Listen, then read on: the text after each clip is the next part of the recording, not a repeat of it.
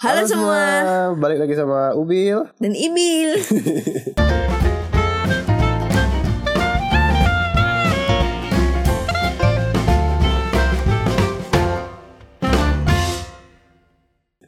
Balik lagi ke podcast ngobrol Ina Inu. Kita hari ini akan ngebahas apa? Ngebahas word. Ya word karena ada sebagian dari tesis saya yang dikerjakan sama Ibu Ubil. Sebagai eh, profesor di bidang ketahanan pangan, aku ingin mencoba membantu masyarakat biasa Hmm. dalam menerjemahkan data-data. Hmm. Analisis yang sudah Ibu lakukan apa sih?